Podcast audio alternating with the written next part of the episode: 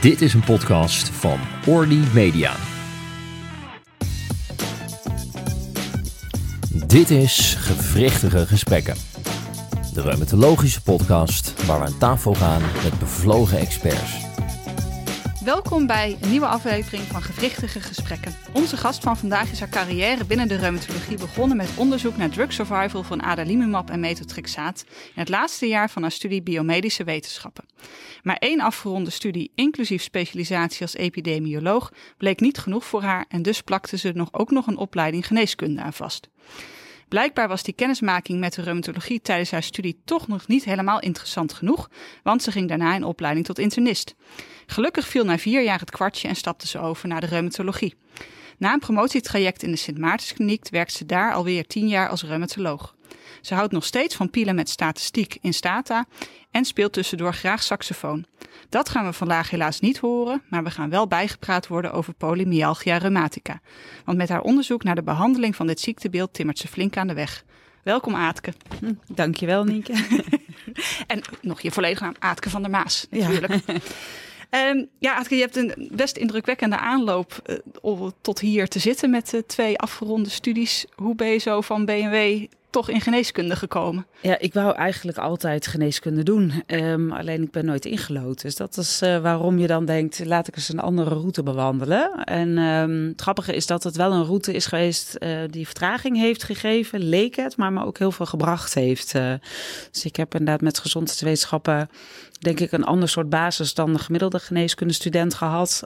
Maar heeft ook gelijk gemaakt dat de interesse voor wetenschappelijk onderzoek um, ja, gelijk mee genomen is in die opleiding. Ja, want je hebt het wel helemaal afgerond, hè, ja, die opleiding. Ja, ik ben nooit, ik geloof mijn laagste, want dat was toen nog loting, mijn laagste nummer was volgens mij 3800 nog wat. En ik had wel uh, redelijk goede cijfers, maar uh, ja, blijkbaar ook weer niet goed genoeg om dan in één keer in te loten. En ik weet dat ik ergens op een gegeven moment keer, want ik heb wel alle jaren meegelood, maar bij het laatste jaar dacht ik, ja, als ik nou inlood, is het even voor het gevoel, maar ga ik wel gewoon gezondheidswetenschap afmaken. Maar zelfs toen ben ik niet uh, ingelood. En um, destijds was er in Nijmegen nog een soort sluiproute dat je dan, als je gezondheidswetenschappen af had gemaakt, dan mocht je um, versneld instromen. Dus met twee jaar twee jaar nog vakken gedaan en toen gelijk kooschap. Ah, dus het is niet uh, de volle map, maar inderdaad uh, acht jaar over twee studies. Nou ja, wel iets langer. Ja, nou ja, nou, ja. acht jaar over twee studies is best, uh, best ja, netjes. precies. Dat ja, op zich. en, nou. en, ja, en toen ging je uiteindelijk dus de interne geneeskunde. Ja, in. ja, ja, ik wilde eigenlijk altijd infectioloog worden. toen was ik binnen de interne geneeskunde en bleek dat best lastig om daartussen te komen. En toen zat ik, uh, dacht ik, ja, wat ga ik nou doen? Algemene interne heel breed. En toen belde ik toevallig over een gemeenschappelijk patiënt met een van de reumatologen uit de Maartenskliniek. En die zei, hey, ik ken jou van de stage voor gezondwetenschappen, wil je geen reumatoloog worden? En gek genoeg was het toen het kwartje inderdaad dat ik dacht, hey, dat is best interessant. Ook leuk. En ik ben uh, tot de dag op van vandaag heel blij met dat ik uh, toch een soort van... Uh, ja, dat het kwartje gevallen is. En ja. dat je die overstap ja, hebt, uh, hebt gemaakt. Ja, ja. en, en eigenlijk heb je nu ook wel weer een beetje een switch gemaakt. Want jouw proefschrift ging over uh, de klinische en farmacologische aspecten van dosisreductie bij anti-TNF. En nu zit je vol in het PMR-onderzoek. Ja, ik ben nog wel ook steeds uh, met onderzoek voor reumatoïde artritis. En met name dat afbouwtraject. En dus daar zit ik ook nog bij. Maar ik heb eigenlijk, en dat komt denk ik misschien ook wel vanuit die interne tijd... dat dat ziektebeeld polymyalgia rheumatica mij gewoon wel heel erg uh, interesseert.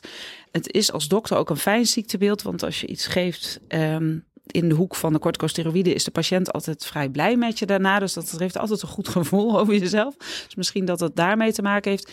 Maar een tweede ding, en dat is vooral bij uh, binnen de reumatologie op de poli, dat ik dacht, grappig dat we eigenlijk zoveel te bieden hebben voor allerlei reumatische ziektebeelden. En dat polymyalgia rheumatica eigenlijk alleen nog maar ja, prednison, prednison, prednison, prednison voelt. Uh, en af en toe een beetje metotrexaat.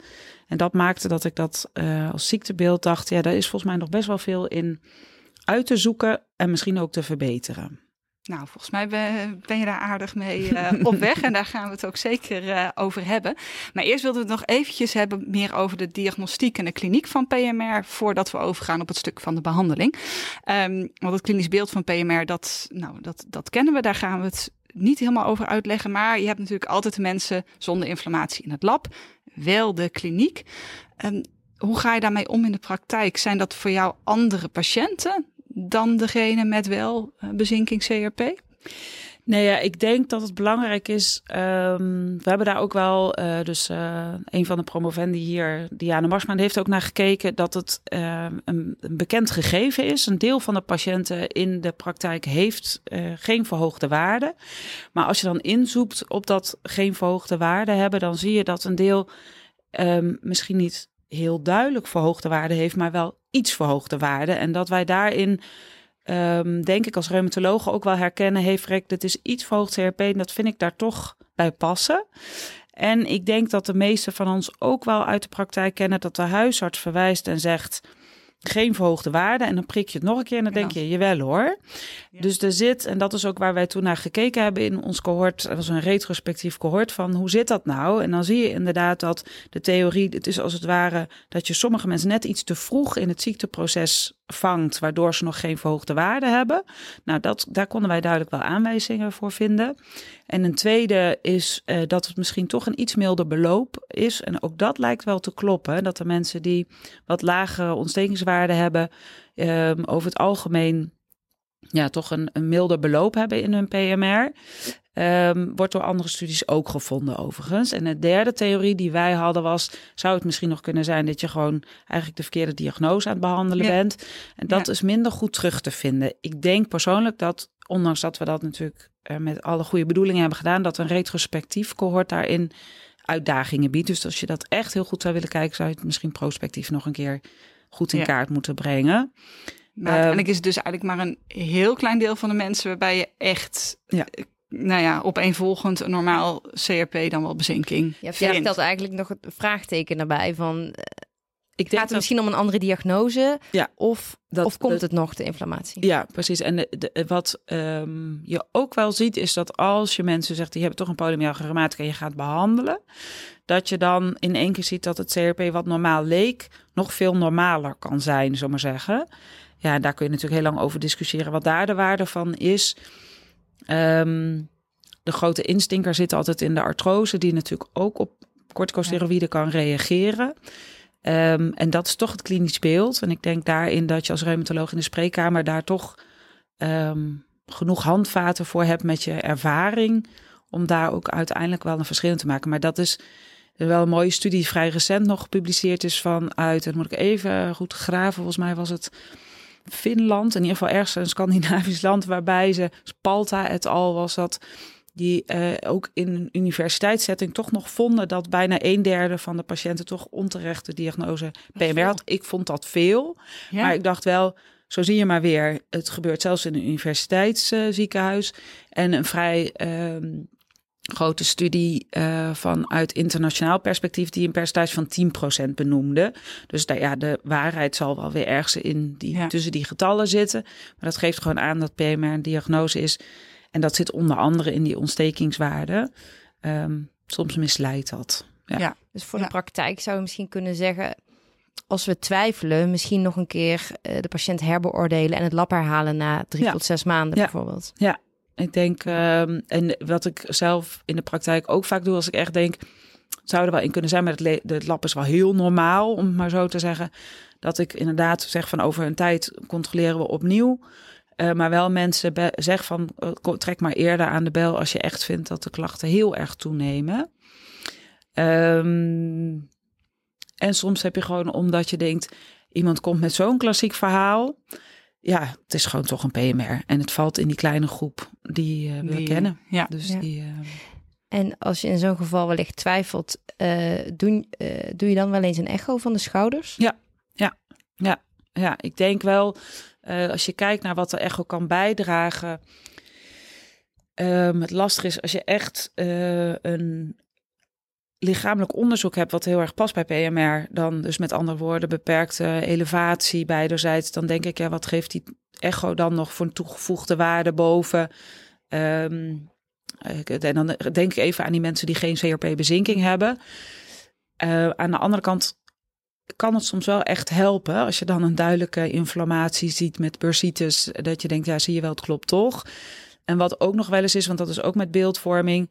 Heb je beperking en je hebt bijvoorbeeld een foto en je ziet een heel duidelijke andere reden waarom de beperking is, dat dat soms ook kan helpen. Dus zo heb je inderdaad bij die mensen die geen verhoogde ontstekingswaarde hebben, uh, heb ik in de praktijk dat ik toch vaak wat meer diagnostiek inzet om toch een gevoel te krijgen van het klopt wat ik, welke diagnose ik stel. Ja, maar dat herken ik zeker.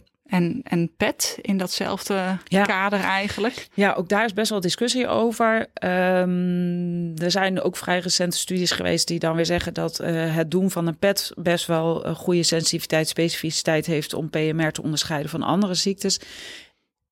Ik heb daar een paar uh, twijfels over. De eerste is namelijk dat ik denk.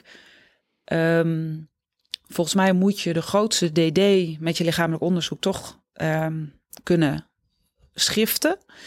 En um, het idee om bij iedereen waarbij je aan PMR denkt een pet doen, vind ik kostentechnisch dat eigenlijk zo problematisch dat ik denk, kan je al niet maken naar andere landen die minder geld hebben. Dus daar heb ik een soort ethisch bezwaar tegen op het ogenblik.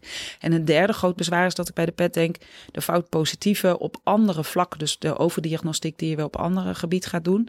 Maar het is wel zo dat de pet aan zich, maar dat is meer wetenschappelijk vind ik, een uh, mooi uh, ja, het, laat wel heel veel interessante beelden zien. En we hebben er heel veel van geleerd. Want we dachten natuurlijk aan met polymyalgia.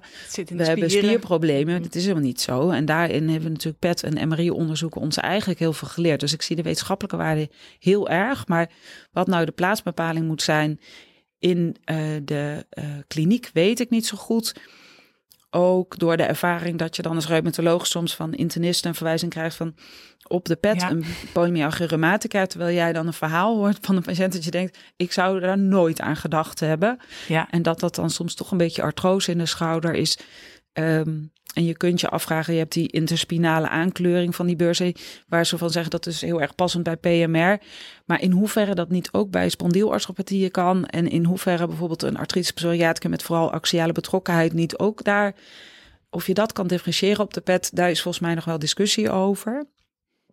Waarbij uh, dus uit Groningen vrij recente studies zeggen dat ze dat toch best aardig kunnen. Dus misschien als je heel erg twijfelt tussen diagnoses, dat je dan zou kunnen zeggen: ik zet daar een pet voor in. Maar nou, ik zie het in de, in de uitzonderingsgevallen. Ja, ja. ja, en nog even over die, een beetje een uitstapje, maar over die nevenbevindingen van die pet. Want daar eh, hebben jullie vanuit hier ook uh, destijds onderzoek naar gedaan. En dat was best een hoog percentage volgens mij aan, aan uh, nou, en dat was toen bij reumatoïde artritis uh, geweest. Dat we in het kader van de DRES-studie met het afbouwen van de TNF-blokker uh, PET-scans deden om te kijken of we konden voorspellen wie we nou hadden moeten afbouwen of niet. Nou, dat, dat bleek helaas niet het geval, maar inderdaad een boel um, uh, bevindingen waarbij uh, diagnostiek ingezet is. Dus een boel vals positieve en helaas ook fout negatieve uitslagen. Dus mensen die wel uiteindelijk een maligniteit bleek te hebben die we niet bij de PET hebben gezien.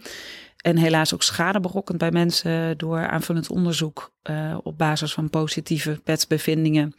Waar uiteindelijk geen pathologie achter bleek te zitten. Dus ik denk dat dat een enorme valkuil is. Ja. dus altijd nog steeds goed nadenken voordat ja. je een PET ja. Uh, uh, aanvraagt. Quick for.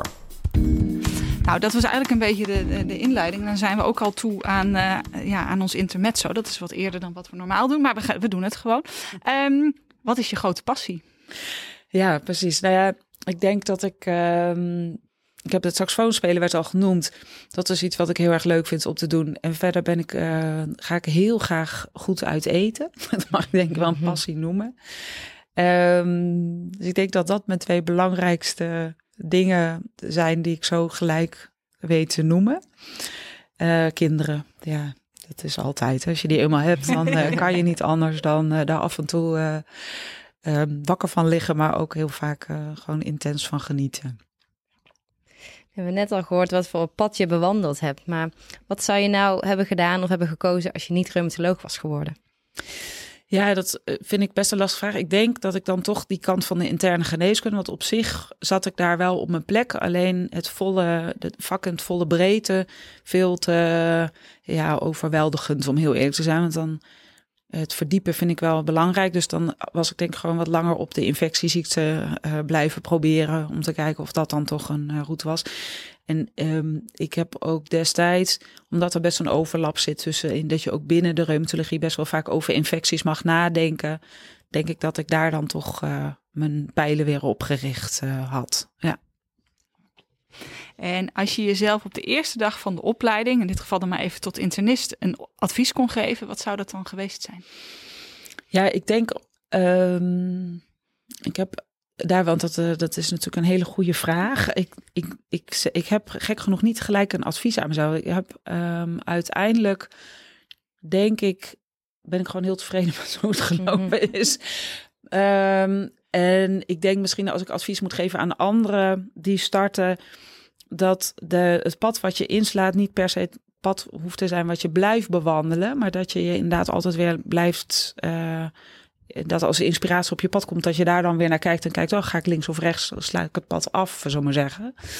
Dus dat is denk ik een advies in het algemeen, maar dat heb ik zelf um, uh, toch in de opleiding wel gedaan. En een tweede ding is misschien dat um, juist als je iets weet dat je het heel graag wil, want dat is bijvoorbeeld bij mij voor geneeskunde, dat ik dacht, nou dat wil ik graag, om daar dan ook maar gewoon uh, aan vast te houden en uh, een alternatief pad te kiezen. Um, ja, ik denk, uh, het is heel erg na te denken of er nog andere dingen zijn. Ik denk dat uh, vooral uh, neem uh, jezelf niet te serieus ook altijd een goede is. kan ook zeker werken, ja. ja. En wat is nu de belangrijkste verandering, verandering geweest binnen de reumatologie, binnen je carrière? Ja, ik denk persoonlijk dat hij nog moet komen, om heel eerlijk te zijn. En dat komt vooral door de spanning op arbeidsmarkt, op kosten. Dus dat daar waar wij tot nu toe, en ik denk dat ik echt nog in die, uh, die tijd ben uh, opgeleid en het vak beoefend heb, dat we eigenlijk steeds meer konden, steeds meer konden. En dat je dus eigenlijk als dokter je steeds, uh, ja, je had steeds meer mogelijkheden als reumatoloog. En dat we nu gaan merken dat het eigenlijk steeds meer kiezen wordt. Wat doe je wel, wat doe je niet? hoe ga je binnen de tijd kunnen doen wat je allemaal zou moeten doen? Uh, hoe doe je dat met toch steeds minder mensen die je willen helpen in de gezondheidszorg? Dus dat de, de echte veranderingen en de uitdagingen nu voor de deur staan. Dus ik ben eigenlijk, ja, ik denk voor nu alleen maar telkens meer kunnen, meer kunnen, meer kunnen. En zo is het eigenlijk wel vanaf het begin van de opleiding naar langzaamaan um, besef dat niet alles kan. En dus wat moeten we laten en hoe maken we verstandige keuzes en Sta je daar heel bij stil in je, in je dagelijkse praktijk? Nee, nog niet zo erg. Maar wel merk je dat in ieder gesprek, ieder congres, ieder uh, ook zeker digitaliseren, waar natuurlijk uh, veel, ja, ons, dat de veranderingen eraan gaan komen. Dat voel je heel erg uh, aan. Maar ik heb dat nog niet echt letterlijk in de praktijk vraag het me over vijf jaar, dan kan ik me voorstellen dat dat heel anders ligt. Ja, dan, ja. kun je misschien deze, deze vraag uh, Ja, nou, het was heel, nou ja. ik heb, uh, of geen toekomstvoorspelling doen. Ja, nee, ik hoop het niet. Ik denk persoonlijk dat het uh, van ons vak zo mooi is dat je patiënten juist vaak toch begeleidt en ziet en het, het, het contact, het werkelijke contact, vind ik een grote meerwaarde in ons vak. En ik zie daar wel eens dat ik denk, hmm, ben benieuwd hoe dat, als we alles verder gaan digitaliseren, hoeveel we dan, ja, of dat afbreuk gaat doen aan het vak. Dat weet ik niet, dat is de vraag. Maar dat is wel eens waar ik een beetje een soort van af en toe licht bezorgd naar kijk. Ja, het zal ja. een nieuwe manier van werken worden, ja. denk ik. Ja. ja. Ik denk dat we toe zijn aan de behandeling van, um, van PMR. En je zei net al, prednison, prednison, prednison. Wat is op dit moment het bewijs voor andere middelen dan prednison? Ja, er zijn um, relatief wat langer geleden wel onderzoeken gedaan, um, onder andere naar methotrexaat. Azatioprine is wel uh, onderzocht als je even kijkt in de conventionele DMARDs. Methotrexaat laat ook wel duidelijke uh, resultaten zien.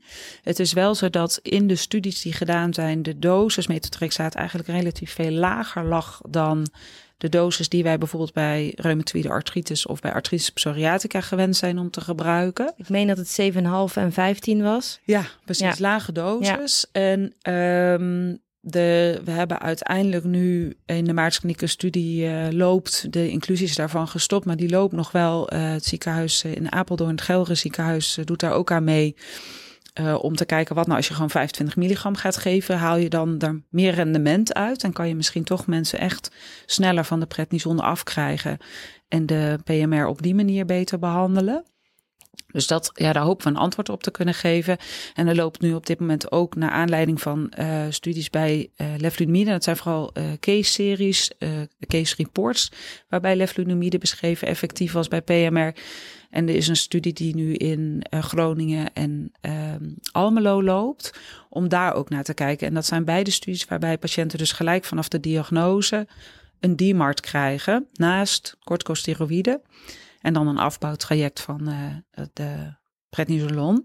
Dus ik ben daar wel nieuwsgierig naar. Ik kan me goed voorstellen dat dat... Um, ik weet uit den landen dat er ook wel reumatologen zijn die dat al gewoon doen. Ja, want wat mee, nou, uh, gelijk bij de start beginnen. want dat is denk ik oh. wat, wat nu het meestal geven als het allemaal niet opschiet met de prednison afbouwen. Ja, ja, precies. Het is de uh, Euler-richtlijn zegt ook dat uh, als je een opvlamming van je polymyalgia rheumatica hebt onder prednison, dat je eigenlijk metotrexaat zou moeten overwegen.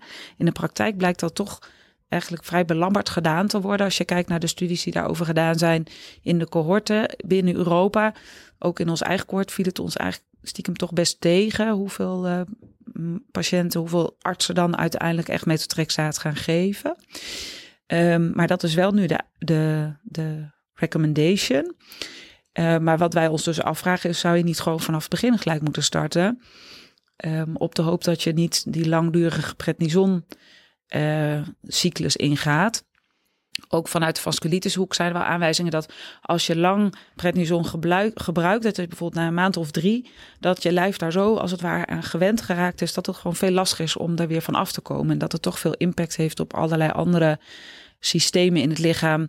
Um, dus dat uh, het idee van snel de prednison, wel net zoals bij RA, gewoon een soort van kort snel zorgen dat de ziekte rustig is, maar daarna op een andere manier het overpakken, dat dat uh, ja, waarschijnlijk uh, de ellende tussen aanhalingstekens die prednisolon geeft. En ik weet daar is discussie over, want er zijn natuurlijk ook artsen die prednisolon uh, juist weer wat meer bevorderen of wat meer ehm, vinden dat we niet zo angstig daarvoor moeten zijn.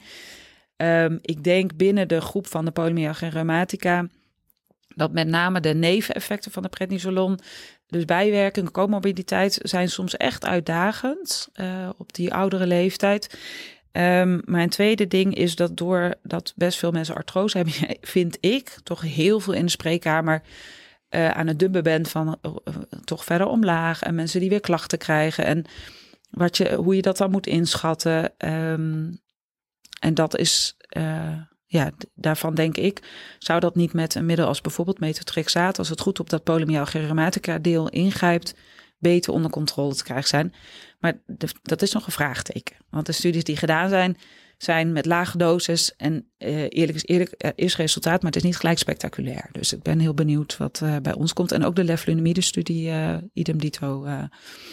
Het zal ook betekenen dat we juist in de toekomst ook alle patiënten uit de eerste lijn op onze poli zouden krijgen. Ja, dus de vraag is natuurlijk um, hoe wenselijk dat is. Ik denk dat, um, kan me heel goed voorstellen dat de patiënten met een polymyalgia waar de huisarts um, ja, misschien toch vrij snel merkt dat het goed gaat, dat je, ja, dat je gewoon moet accepteren dat dat niet allemaal naar de tweede lijn kan komen. Uh, maar juist degene waarbij je je diabetes of al osteoporose of andere risicofactoren, dat je daarvan kan zeggen, nou dat is gewoon heel verstandig om niet dat prednison traject in te gaan. Um, is het ook nog zo dat misschien huisartsen überhaupt korter met prednison behandelen? Uh, wij zien natuurlijk lang niet alle mensen met PMR. Wat weten we daar eigenlijk iets over? Ja, daar zijn wel data over. Onder andere een internationale uh, studie die vrij recent gedaan is. Dat is van uh, de groep uit Denemarken. Keller, de laatste auteur van. Die ehm, uh, hebben gevraagd. En dan blijkt inderdaad dat daar grote variatie in is. Je ziet dat huisartsen gemiddeld genomen iets hoger starten met prednison-dosering. Dus dat wij wat lager starten als we de PMR-diagnose stellen. En dat ook de trajecten die bewandeld worden in hoe uh, de behandeling is, wat meer variatie uh, laten zien. Um, en ik denk vanuit de praktijk kennen we denk ik allemaal wel dat de huisarts af en toe gewoon kiest om een soort stootkuur even te geven. Om te kijken of er iets verlicht en of het beter gaat. En als het dan terugkomt nog een keer. Um, en dat ze dan soms pas overgaan tot prednisolon uh, uh, voor het PMR.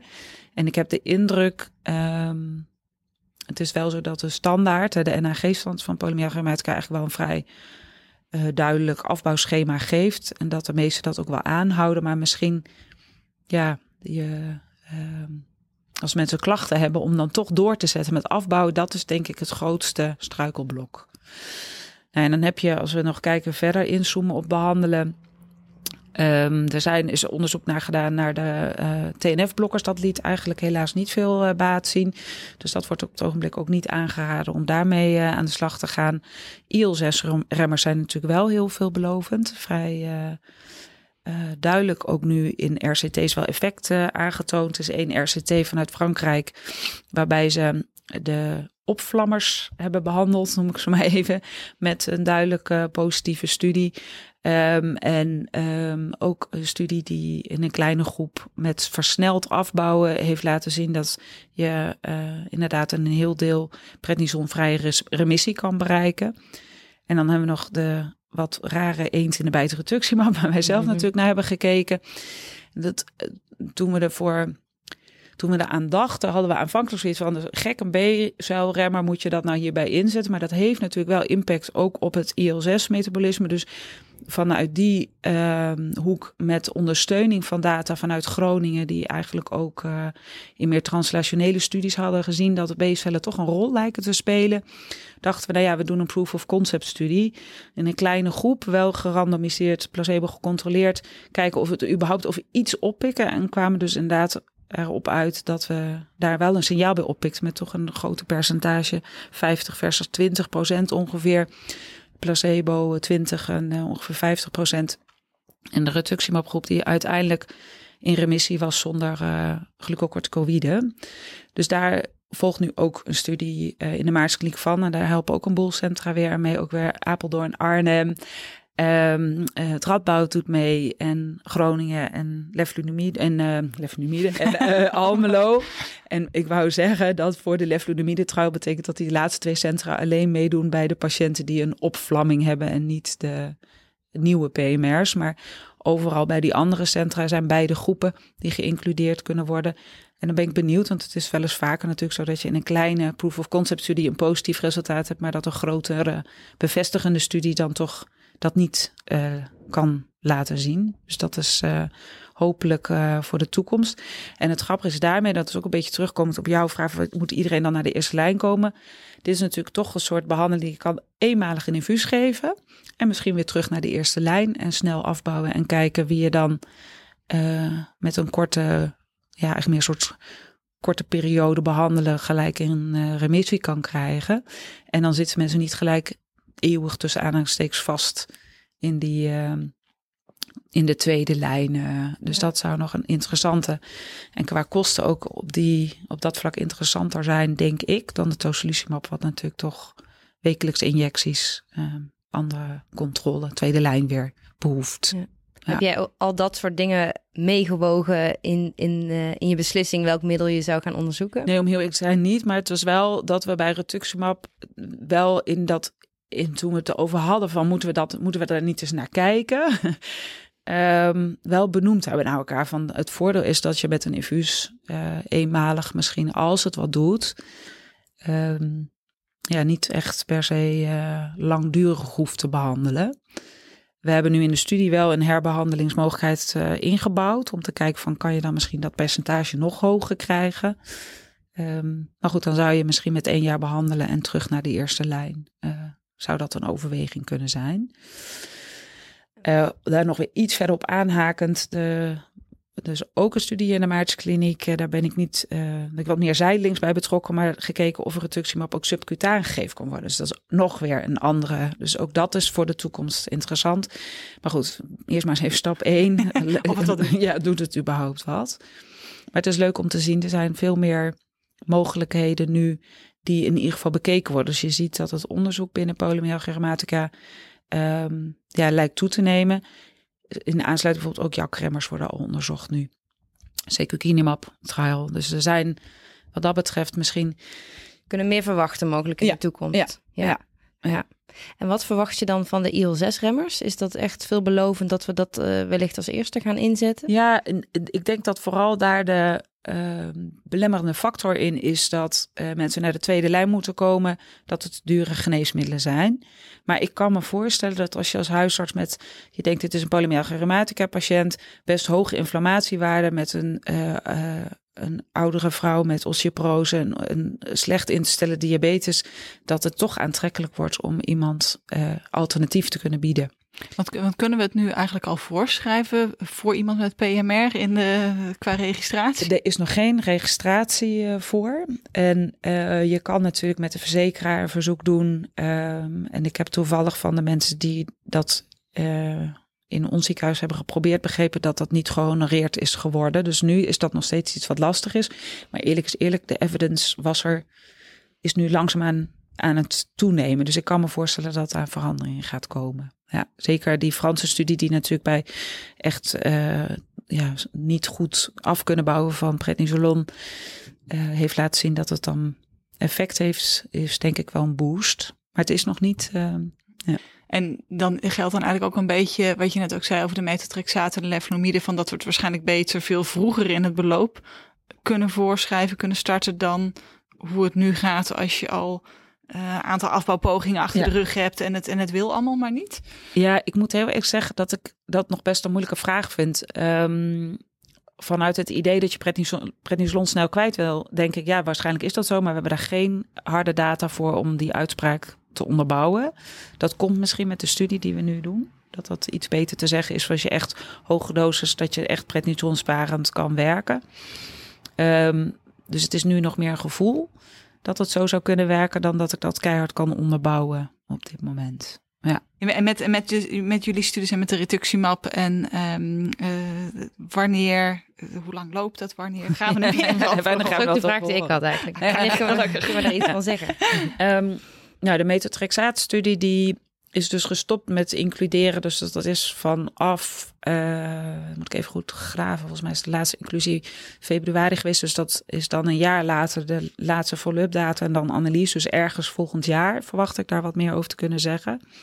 Bij die studie verwacht ik, of zijn we nu ook al aan het nadenken van als je ermee klaar bent, wil je eigenlijk mensen daarna, bij spreken een jaar later of misschien twee jaar later nog eens keer vragen of dan iedereen weer terug op de prednison is of niet. ja. Um, die studie is namelijk wel zo nu opgezet dat we metotrexaat een jaar geven en dan stoppen. En de vraag is natuurlijk, wat gebeurt er daarna? Vlammen al die PMR weer op of wat gebeurt er dan? Dus daar zit uh, ook in het traject daarna nog wel een boel wat interessant is om verder te beschrijven. Maar het eerste uh, resultaten volgend jaar. En de uh, reduce-studies met de reductiemap, die lopen echt uh, pas net. Dus dat uh, duurt, dat echt nog, nog een behoorlijke tijd. Ja. Leflunomide verwacht ik ook vrij. Ik, ja, dat, ik spreek nu even natuurlijk voor Groningen en Almelo. Dus misschien is het niet helemaal waar. Maar misschien volgend jaar, ja, dat, dat, dat daar meer over te zeggen is. Ja. En, en voor nu? In de praktijk? Uh... Ja, dus ik denk um, als je nu een polymyalgia rheumatica patiënt ziet met al veel uh, comorbiditeit, zoals ik net noemde, um, kan ik me goed voorstellen dat je als reumatoloog kiest om gewoon te zeggen, ik, ga, ik start gewoon heel laagdrempelig toch al een DMARD bij. We zijn daar, kunnen daar, we zijn heel gewend om daarmee te werken. En dan kan je die prednisolon uh, vaak toch sneller afbouwen. Dus dat, dat is meer vanuit de praktijk dat ik denk, nou, geen slecht advies. Jij bouwt dan de metotrexaat ook op tot 25 milligram? Of houd jij het... Uh... Ja, eigenlijk wel, ja. ja. ja. En het hangt een beetje van af. En dat, dat is vanuit de RA volgens mij niet per se ondersteund. Maar ik betrap mezelf er wel eens op dat ik, als mensen echt oud zijn, niet functie, dat ik lager begin en dat ik langzamer opbouw. Je hebt natuurlijk bij je reumatoïde artritis dat je erosies wil voorkomen. En dat is bij rheumatica natuurlijk een ander uh, verhaal. Dus je kan wat makkelijker zeggen, ik begin dus met opbouwen in plaats van gelijk maximaal uh, in te willen zetten in een korte tijd. Um, maar dat hangt een beetje van af welke patiënt voor je zit. Dus dat is een beetje een soort fine-tune. En um, ik denk voor de uh, praktijk, en ook als ik even nadenk over als ik nu ons protocol zou moeten herschrijven, dat dit advies erin zou staan, maar dat je verder eigenlijk nog bij iedereen gewoon het standaardregime van prednisolon starten, 15 milligram, 20 milligram die orde grootte en gewoon in een jaar afbouwen. Dus dat we daar voor nu nog niet gelijk andere adviezen in hebben. Um, totdat we dat echt goed kunnen onderbouwen met aanvullende data. Als mensen een opvlamming hebben, dan is bij ons in het ziekenhuis nu de eerste keus metotrexaat geven. Ik denk dat um, dat wel interessant is om te kijken of we dat als reumatologen meer kunnen gaan doen. En niet te lang door met alleen maar prednisolon. Uh, natuurlijk met uh, de patiënt die voor je zit.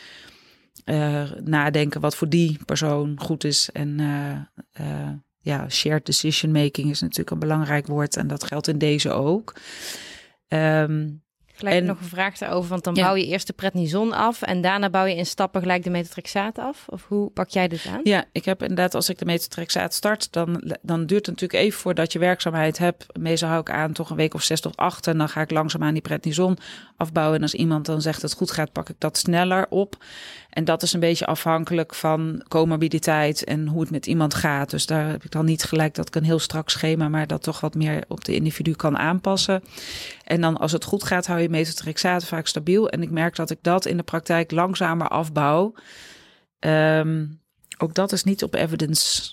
Er is geen evidence over. Dus dat is uh, een beetje 5 milligram per drie maanden. Dus dan ben je soms best lang bezig en misschien kan het veel sneller.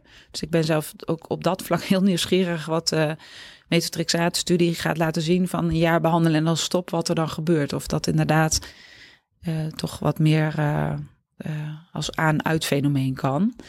En het grappige is ook als ik dan naar leflunomide kijk, dan betrap ik mezelf op dat ik ook dat afbouw en ook daar of dat rationeel is. Dat is een beetje de vraag.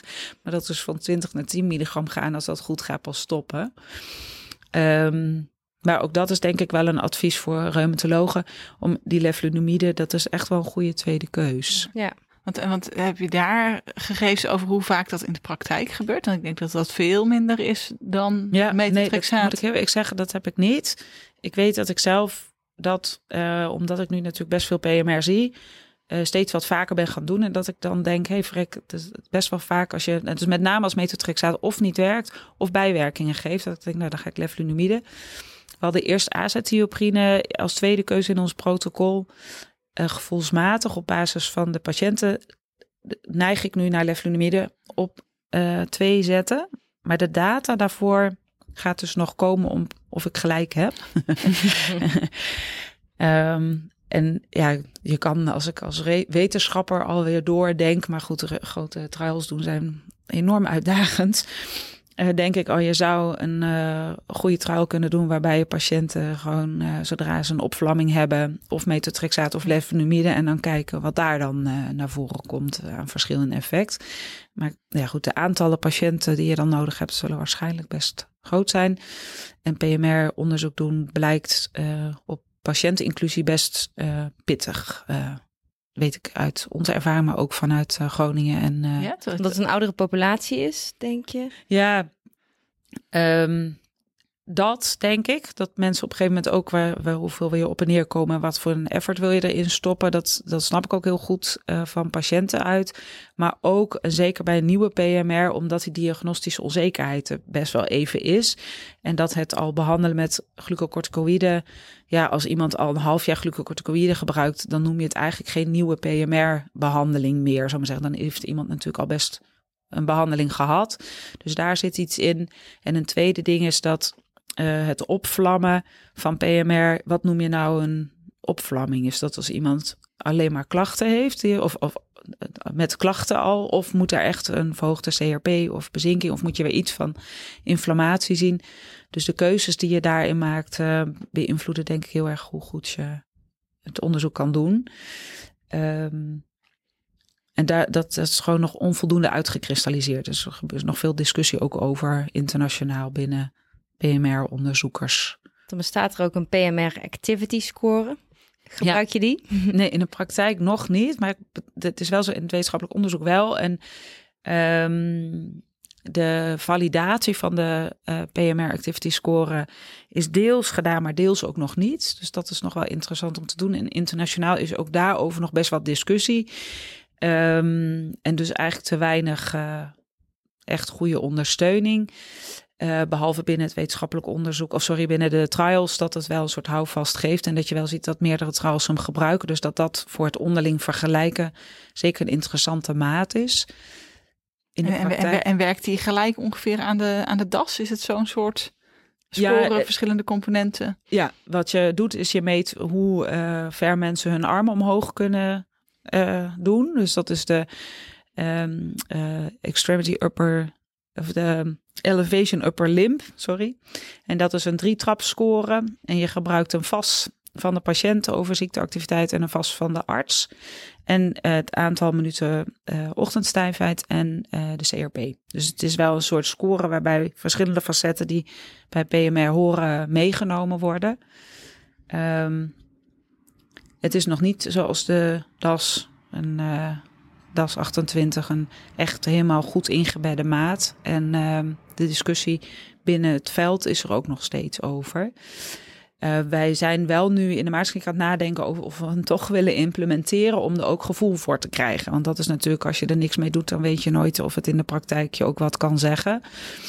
Um, verwacht ik over Oh, sorry. Nee, zeg maar. Nee. je zei het ook over een flare. Van, er is ook discussie over van, van wat, wat is een flare en heb je er ook informatie voor nodig. Maar wat vind jij voor de praktijk? Is er een stijging in CRP en bezinking nodig om het een flare te noemen? Nee, ik denk dat als mensen echt heel duidelijk inflammatoire klachten hebben die toenemen, dat je zonder oplopen van inflammatiewaarde, daar is ook wel in de literatuur bewijs voor, uh, gewoon kan zeggen dit is een, een, een flare of een opvlamming.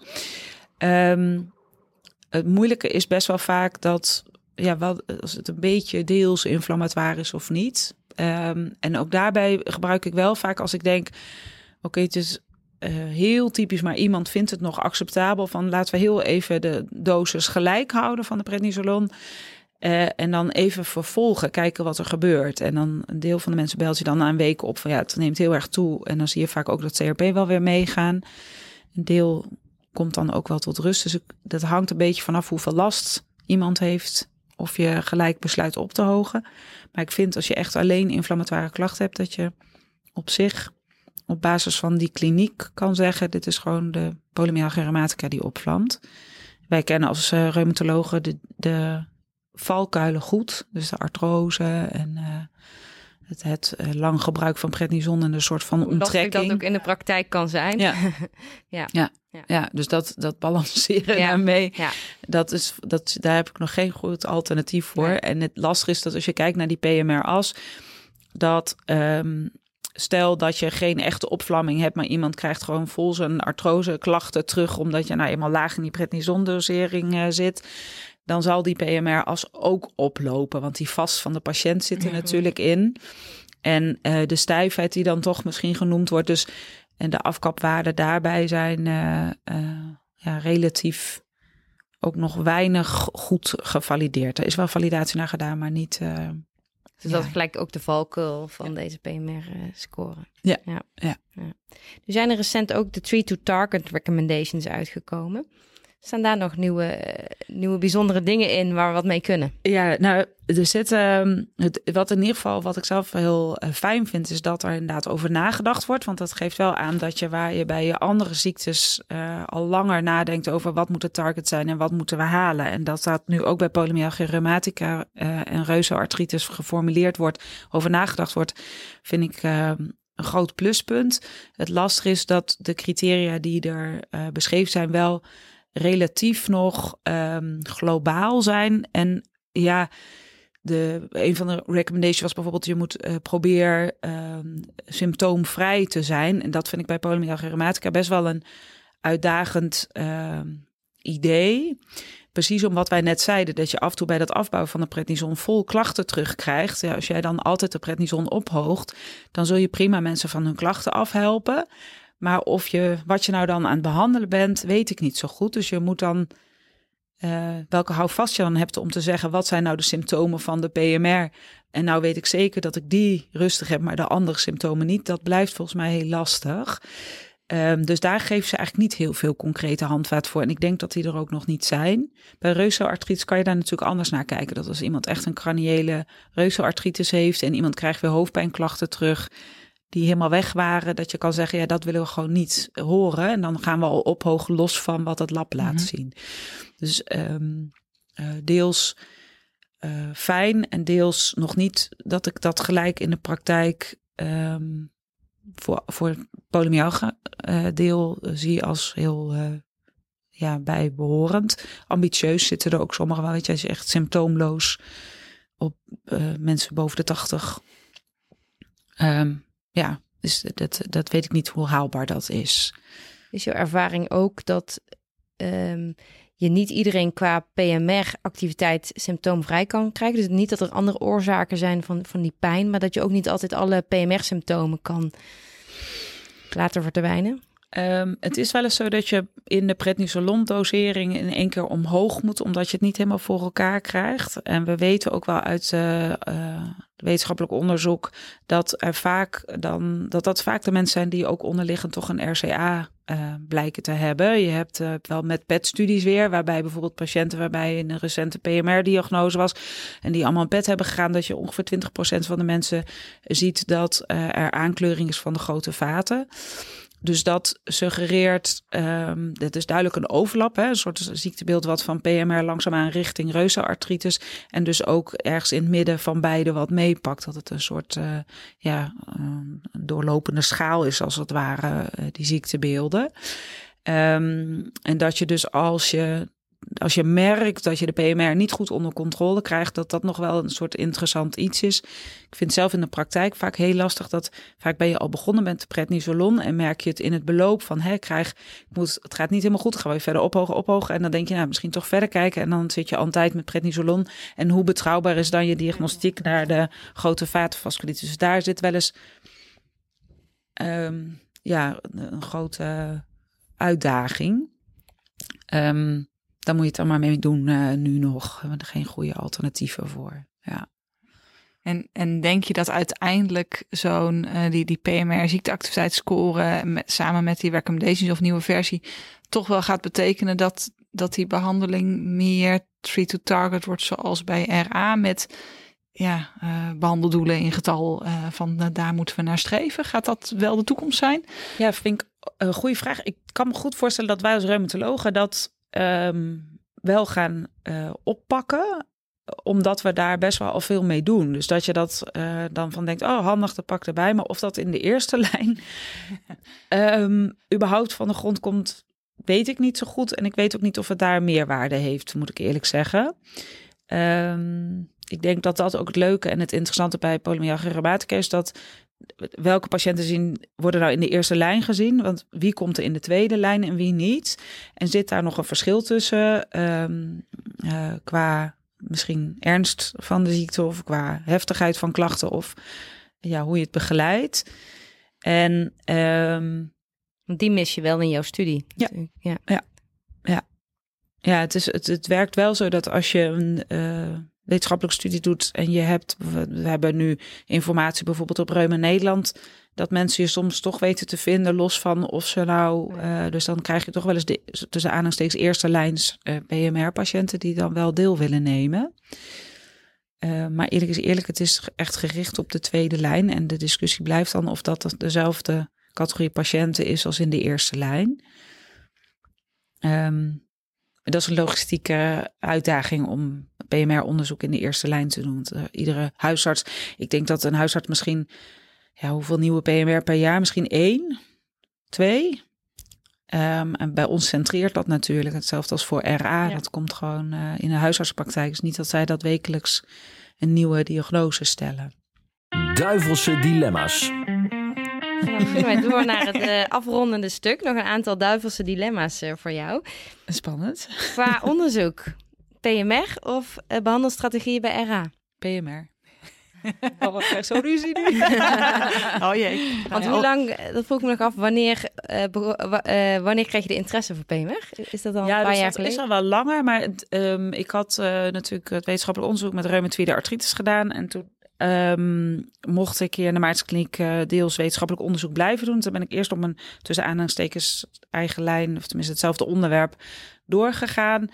Um, maar was er ook ruimte om te kijken van wat wil je wetenschappelijk, eh, waar wil je verder ontwikkelen doen. ik weet dat ik een keer bij een jaargesprek heb gezeten en toen heb gezegd uh, tegen mijn leidinggever van ik wil eigenlijk wel PMR-onderzoek. Die toen met grote ogen keek, PMR. Um, maar dat is ergens al wel in de opleiding al een keer ontstaan. En dat is dan gewoon puur in de spreekkamer dat je denkt, wat gek, waarom kan ik niet iets... Waarom is er zo weinig voor PMR? Waarom heb ik eigenlijk alleen als ik er naar zoek een paar van die kleine studies en vooral prednisolon als behandeling? Dus de interesse is al langer, maar ergens na het promoveren, ik denk een jaar of twee daarna of zo, dat ik dacht ik ga er echt mee uh, aan de slag. Leuk. Ja, en heel erg nuttig, denk ik, ja, uh, voor, voor ons het. allemaal. um, volgende dilemma. Alleen epidemiologie of alleen maar reumatologie, maar dan zonder het wetenschappelijk onderzoek? Oeh. Ja, dan ben ik toch meer reumatoloog dan wetenschapper, denk ik. Um, hoewel ik het wetenschappelijk onderzoek, ik, ik zou alleen reumatoloog zijn, uh, ook hartstikke leuk vinden. Maar dit is voor mij zo'n grote kers op de taart dat ik hoop dat dit dilemma nooit gaat komen. Maar ik ben, ja, ik denk ook het feit dat ik natuurlijk gezondheidswetenschap gedaan, maar dat ik ieder jaar ben blijven meeloten, wel aangeeft dat ik daar, uh, ja, dat is gewoon uh, uiteindelijk. Uh, Vooral dokter. Ja. ja het laatste dilemma is meer iets voor de privé-setting. Nooit meer een feestje of nooit meer saxofoon spelen? Die is echt ook moeilijk. Um, ja, dan, dan, dan, uh, oh, wat erg. Ik denk toch dat de saxofoon dan de deur uitgaat. Je houdt van feestjes. Ja, ja, ja. Als ik dan, als ik denk nooit meer feest, zou ik heel jammer vinden. Want weet je, waar, ja, nog flauwer. Het saxofoon spelen is natuurlijk ook een feestje. maar dan heb je ze toch nog weer ja. bij. Ja, volgens mij zijn we dan uh, aan het einde gekomen van deze aflevering. Dan Aatke heel erg uh, bedankt voor het bijpraten. Heb jij nog een uh, laatste afsluitende boodschap? Wat mogen we niet vergeten over PMR? Ja, ik denk dat um, ik denk voornamelijk nu zou willen zeggen dat bij het behandelen van polymyalgia ook de andere DMARDs, dat je daar als rheumatoloog aan denkt. En we, zijn, we kunnen daar hartstikke goed mee werken, we hebben daar heel veel ervaring mee. Dus wij zijn denk ik ook de dokters die daar uh, goed mee uh, kunnen behandelen. Om dat laagdrempeliger in te zetten dan we nu doen. En niet te lang uh, maar prednisolon, maar prednisolon. Zelfs die lage dosis is gewoon nog interessant om eraf te krijgen in mijn beleving. Nou, misschien moeten we dat Maarten niet laten horen. Nee, maar... ik weet dat daar andere mensen anders in staan. Maar ik denk dat ook bij ja, de andere reumatische metotrexaat heel goed bewezen heeft. Dus, maar goed, misschien als je me dan weer over een jaar spreekt en we nu een negatieve studie zo direct moeten publiceren, dat ik daar in één keer toch enorm terug moet komen op mijn schreden. Dus dat is misschien de andere take-home message. Meten is weten. Dus uh, blijf altijd uh, verbaasd uh, naar zoeken en wetenschappelijk onderzoek doen om te kijken of dat wat je denkt ook werkelijk klopt. Ja. Nou, dat lijkt me een hele mooie afsluiting. En dan komt er vast een NVR najaarsdag of iets dergelijks waarop we de uitkomsten weer gaan horen. Het, ja. Dankjewel Aatke, dankjewel luisteraars en tot de volgende aflevering. Ja, dank je. Bedankt voor het luisteren naar gewrichtige gesprekken. Graag tot de volgende aflevering. Dit is een podcast van Orly Media.